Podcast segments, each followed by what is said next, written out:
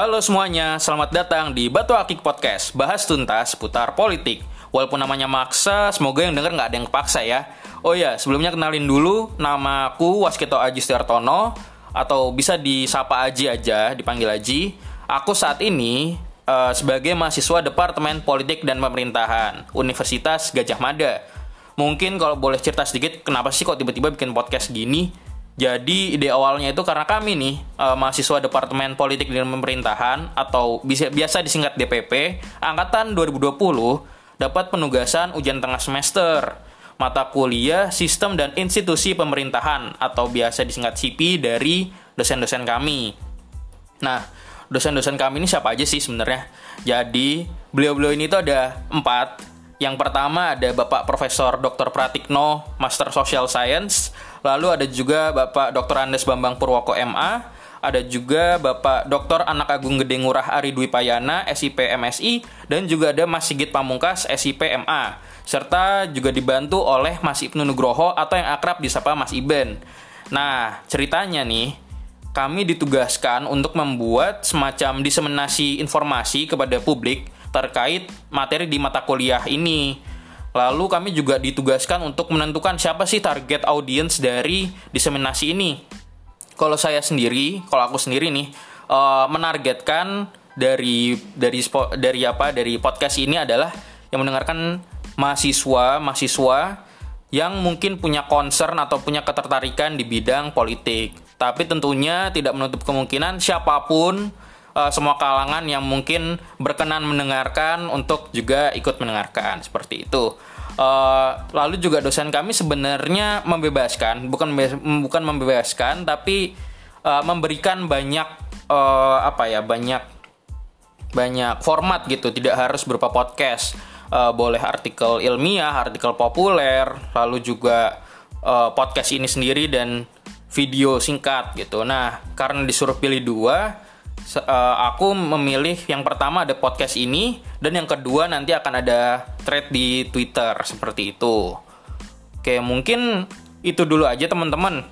Uh, semoga semoga apa ya? Semoga pesan yang nanti akan aku sampaikan bisa berkenan untuk didengarkan dan juga apabila ada kritik dan saran silahkan disampaikan aja boleh lewat DM di twitterku yaitu @waskitoaji underscore sh ditunggu semuanya dan juga terima kasih.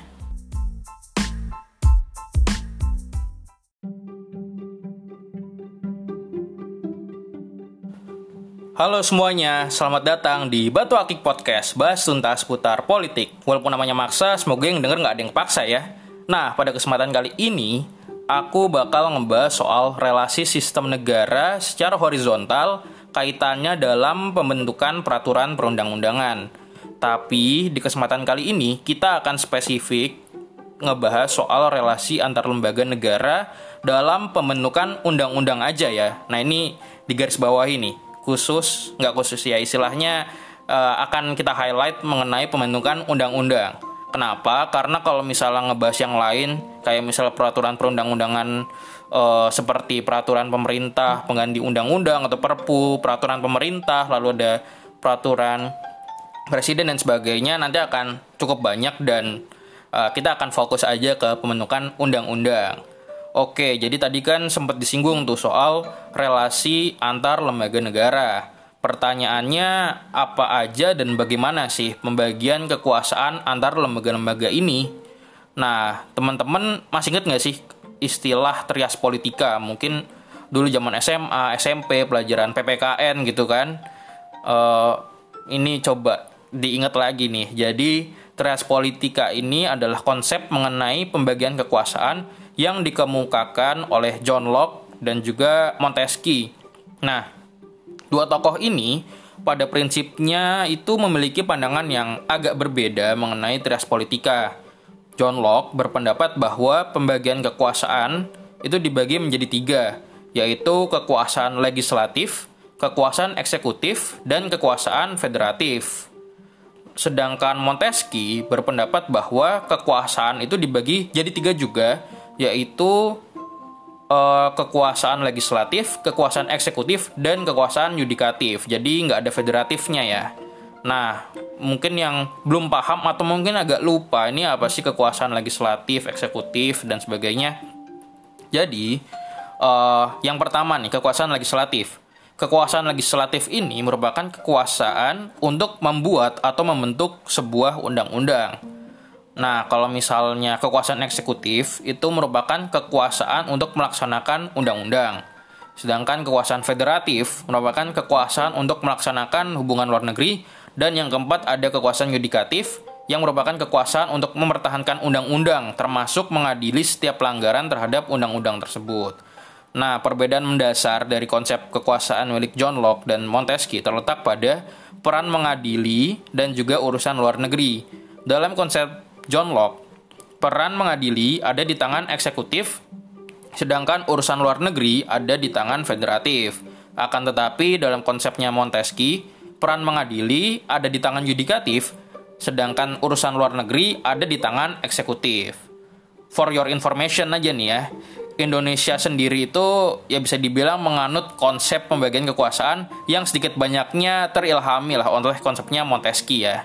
Jadi kalau di, di Indonesia itu ada lembaga legislatif, lembaga eksekutif, dan lembaga yudikatif yang termasuk ke dalam lembaga legislatif itu ada MPR, DPR, dan juga DPD. Sedangkan kalau lembaga eksekutif itu ada presiden, wakil presiden, beserta jajaran kabinetnya. Dan lembaga yudikatif itu ada Mahkamah Agung, Mahkamah Konstitusi, dan Komisi Yudisial.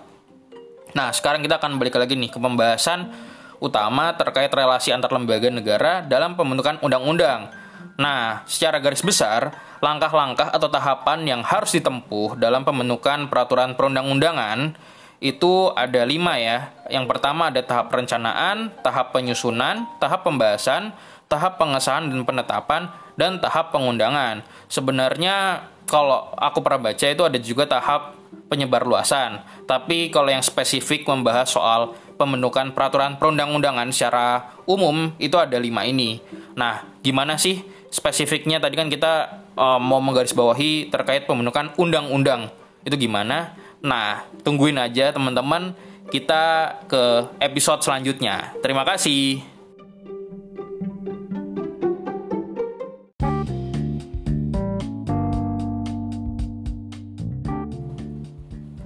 Halo semuanya, selamat datang di Batu Akik Podcast Bahas tuntas seputar politik Walaupun namanya maksa, semoga yang denger nggak ada yang kepaksa Nah, sekarang balik lagi bersama aku Aji. Pada kesempatan kali ini, aku bakal ngebahas soal relasi sistem negara secara horizontal dalam tahap perencanaan pembentukan undang-undang.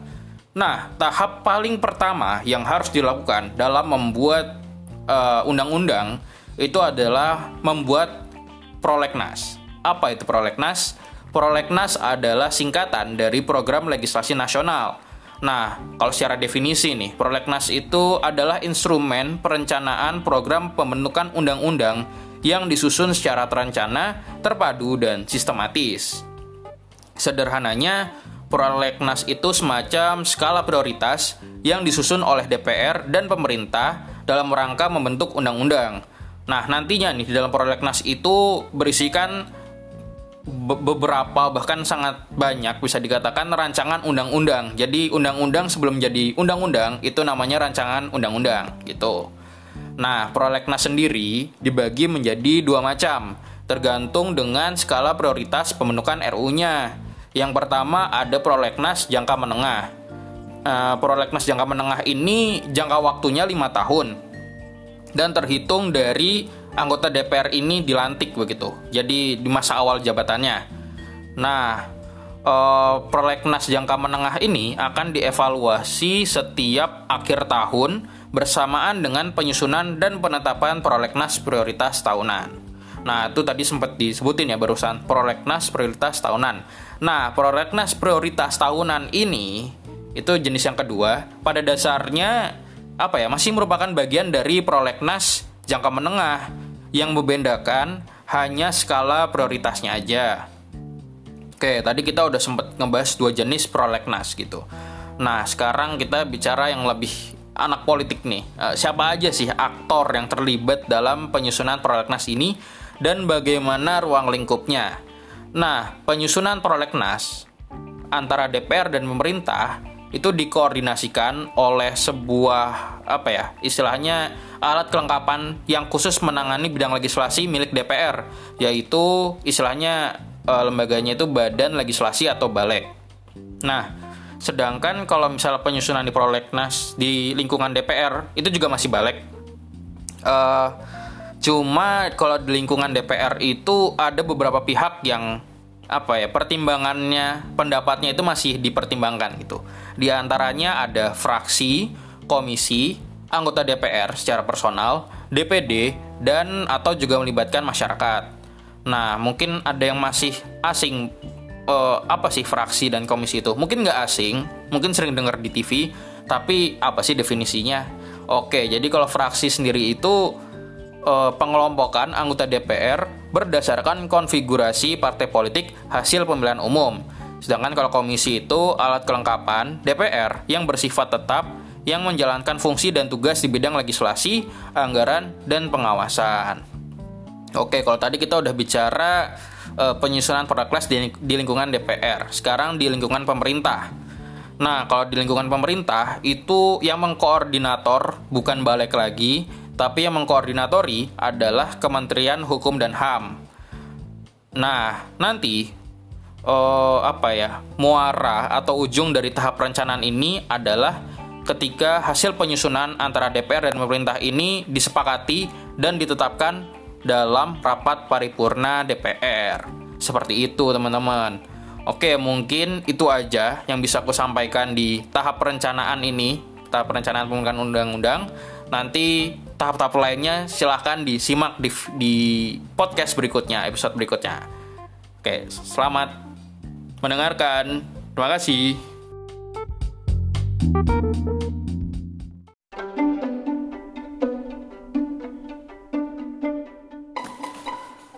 Halo semuanya, selamat datang di Batu Akik Podcast Bahas tuntas putar politik Walaupun namanya maksa, semoga yang denger nggak kepaksa Nah, pada episode kali ini kita bakal ngebahas soal relasi sistem negara secara horizontal dalam tahap penyusunan pembentukan undang-undang.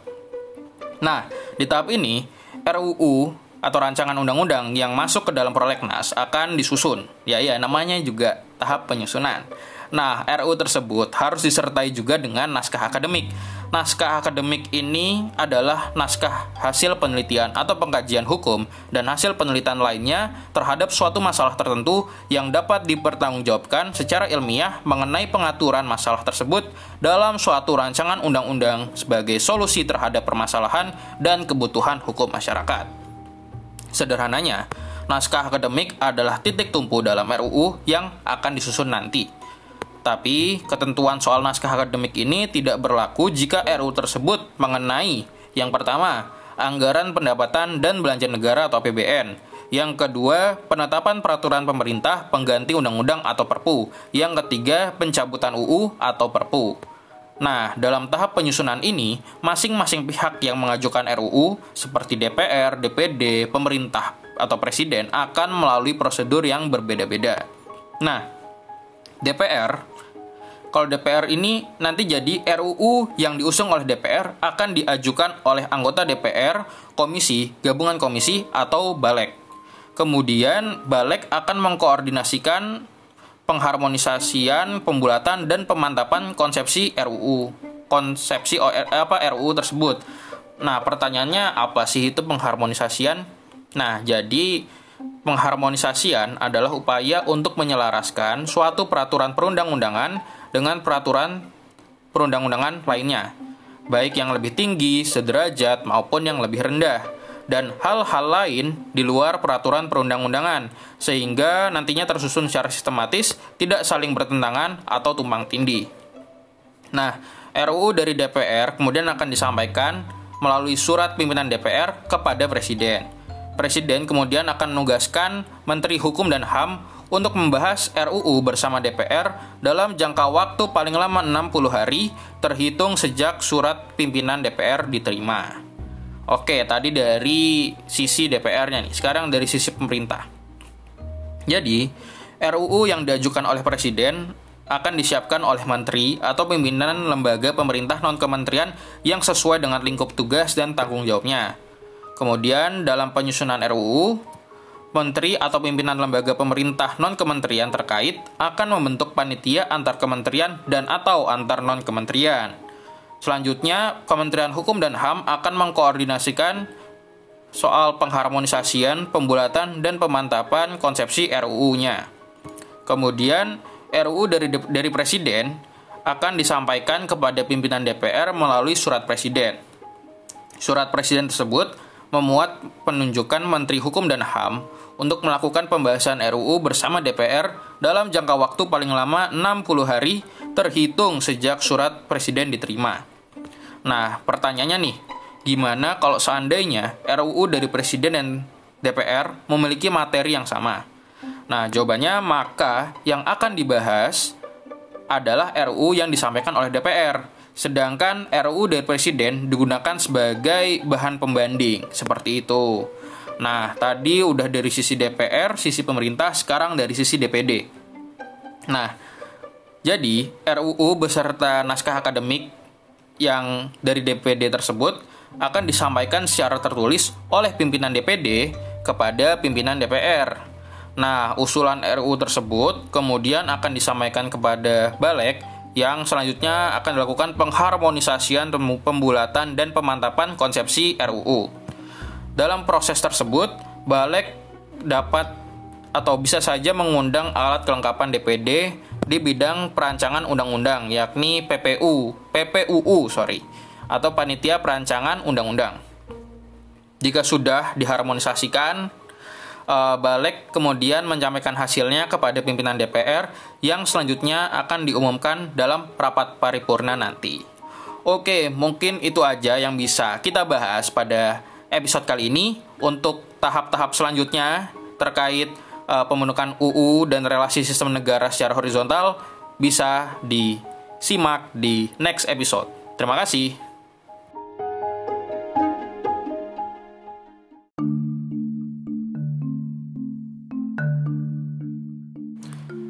Halo semuanya, selamat datang di Batu Akik Podcast Bahas tuntas putar politik Walaupun namanya maksa, semoga yang denger nggak kepaksa Nah, pada episode kali ini kita bakal ngebahas soal relasi sistem negara secara horizontal dalam tahap pembahasan pembentukan undang-undang. Nah, pada tahap ini pembahasan RUU dilakukan oleh DPR bersama presiden atau menteri yang ditugaskan dalam hal ini Kementerian Hukum dan HAM.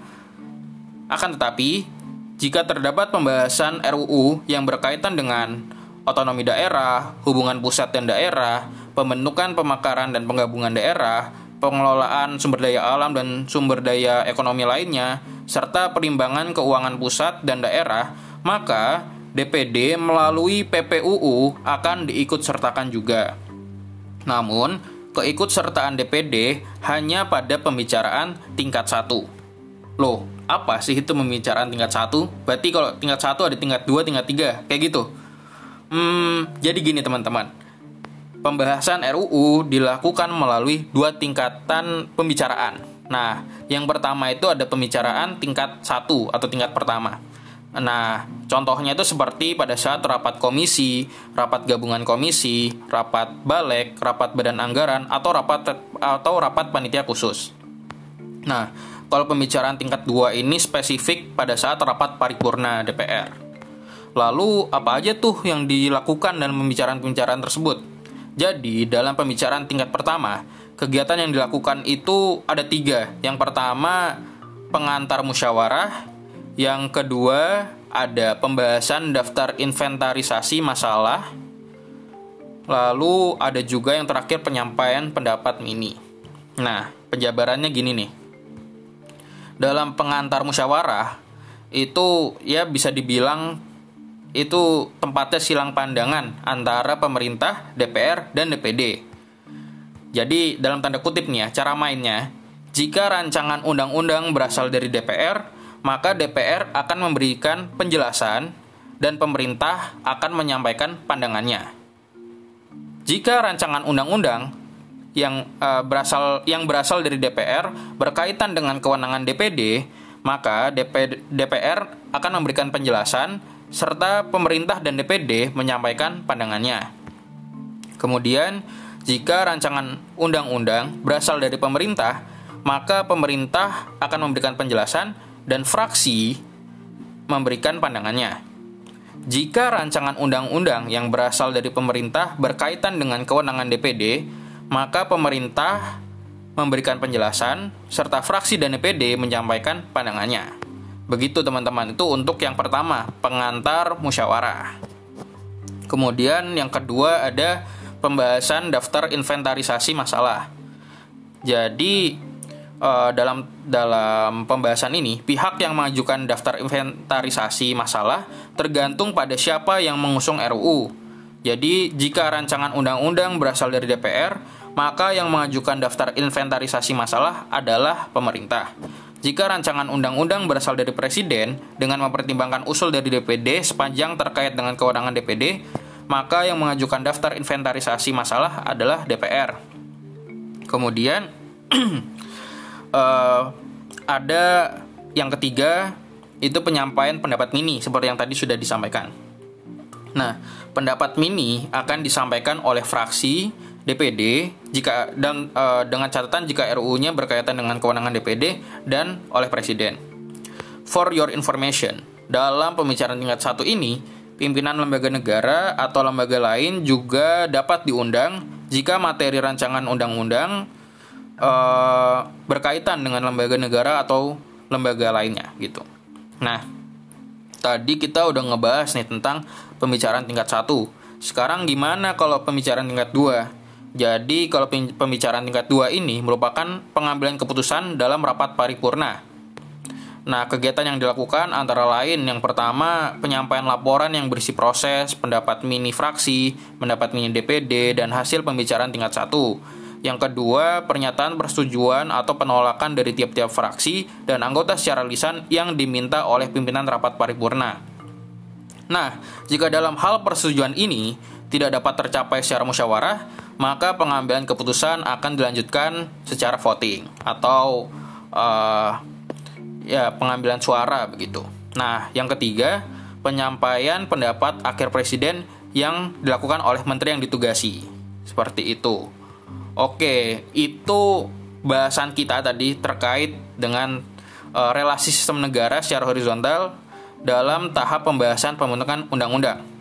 Nah, untuk penjelasan uh, tahap selanjutnya bisa teman-teman dengerin, bisa teman-teman simak di episode selanjutnya. Terima kasih.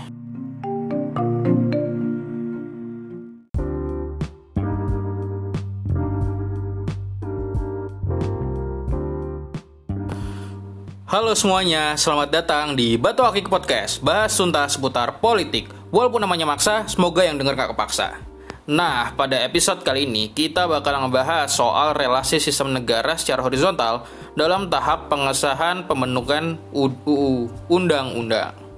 Oke, dalam tahap pengesahan ini, rancangan undang-undang yang telah disetujui bersama oleh DPR dan Presiden akan disampaikan oleh pimpinan DPR kepada Presiden yang kemudian untuk disahkan menjadi undang-undang. Nah, penyampaian rancangan undang-undang sebagaimana dimaksud dilakukan dalam jangka waktu paling lama tujuh hari terhitung sejak tanggal persetujuan bersama. Nah, rancangan undang-undang tersebut disahkan oleh presiden dengan membubuhkan tanda tangan dalam jangka waktu paling lama 30 hari terhitung sejak rancangan undang-undang tersebut disetujui bersama oleh DPR dan presiden. Terus, gimana nih kalau misalnya dalam waktu 30 hari itu presiden nggak tanda tangan? Jadi, rancangan undang-undang tersebut tetap sah menjadi undang-undang dan wajib diundangkan juga. Cuman, nanti di halaman terakhir dari undang-undang uh, tersebut uh, sebelum naskah tersebut diundangkan ke dalam lembaran negara Republik Indonesia nanti akan ada keterangan yang berbunyi Undang-undang ini dinyatakan sah berdasarkan ketentuan pasal 20 ayat 5 Undang-Undang Dasar Negara Republik Indonesia tahun 1945. Oh iya, sebagai tambahan, dalam setiap undang-undang harus dicantumkan batas waktu penetapan peraturan pemerintah dan peraturan lainnya sebagai pelaksanaan undang-undang tersebut. Jadi biasanya tuh ya di draft UU begitu nanti ada uh, ayat gitu yang berbunyi uh, peraturan ini katakanlah ya peraturan ini kemudian akan uh, diatur lebih lanjut uh, dalam peraturan pemerintah. Seperti nah itu harus clear tuh harus jelas batas waktu penetapannya kapan. Seperti itu. Oke mungkin itu aja yang bisa aku sampaikan. Tungguin episode selanjutnya. Terima kasih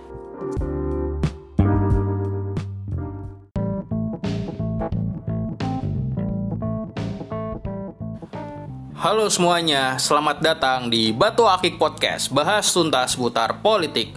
Walaupun namanya maksa, semoga yang dengar nggak kepaksa. Oke, jadi balik lagi bersama aku Aji. Jadi pada episode kali ini, kita bakal ngebahas soal relasi sistem negara secara horizontal Dalam tahap pengundangan pembentukan undang-undang. Oke, jadi tahap ini memiliki tujuan agar setiap orang dapat mengetahui undang-undang yang telah disahkan jadi undang-undang tersebut harus diundangkan dengan menempatkannya di dalam lembaran negara Republik Indonesia dan juga berita negara Republik Indonesia. Nah, peraturan perundang-undangan yang diundangkan dalam lembaran negara Republik Indonesia itu antara lain ada undang-undang atau peraturan pemerintah pengganti undang-undang, Lalu ada peraturan pemerintah, ada peraturan presiden, dan juga peraturan perundang-undangan lain yang menurut peraturan perundang-undangan yang berlaku harus diundangkan dalam lembaran negara Republik Indonesia. Tapi ya, kita kan spesifik ngebahas soal undang-undang. Oke, e, peraturan perundang-undangan yang diundangkan dalam berita negara nih. Tadi kan lembaran negara. Sekarang berita negara Republik Indonesia meliputi peraturan perundang-undangan yang menurut peraturan perundang-undangan yang berlaku harus diundangkan dalam Berita Negara Republik Indonesia. Nah, pengundangan peraturan perundang-undangan dalam lembaran negara Republik Indonesia atau Berita Negara Republik Indonesia akan dilaksanakan oleh Menteri Hukum dan HAM. Begitu aja. Oke, uh, mungkin ini akhir dari rangkaian podcast tentang relasi sistem negara secara horizontal terkaitannya tahap pembentukan undang-undang uh, mungkin itu aja yang bisa aku sampaikan semoga uh, yang disampaikan bisa bermanfaat dan juga apabila ada kritik dan saran mohon disampaikan bisa via uh, direct message di Twitter @waskitoaji underscore sh. Oke itu aja terima kasih kurang lebihnya mohon maaf. Wassalamualaikum warahmatullahi wabarakatuh.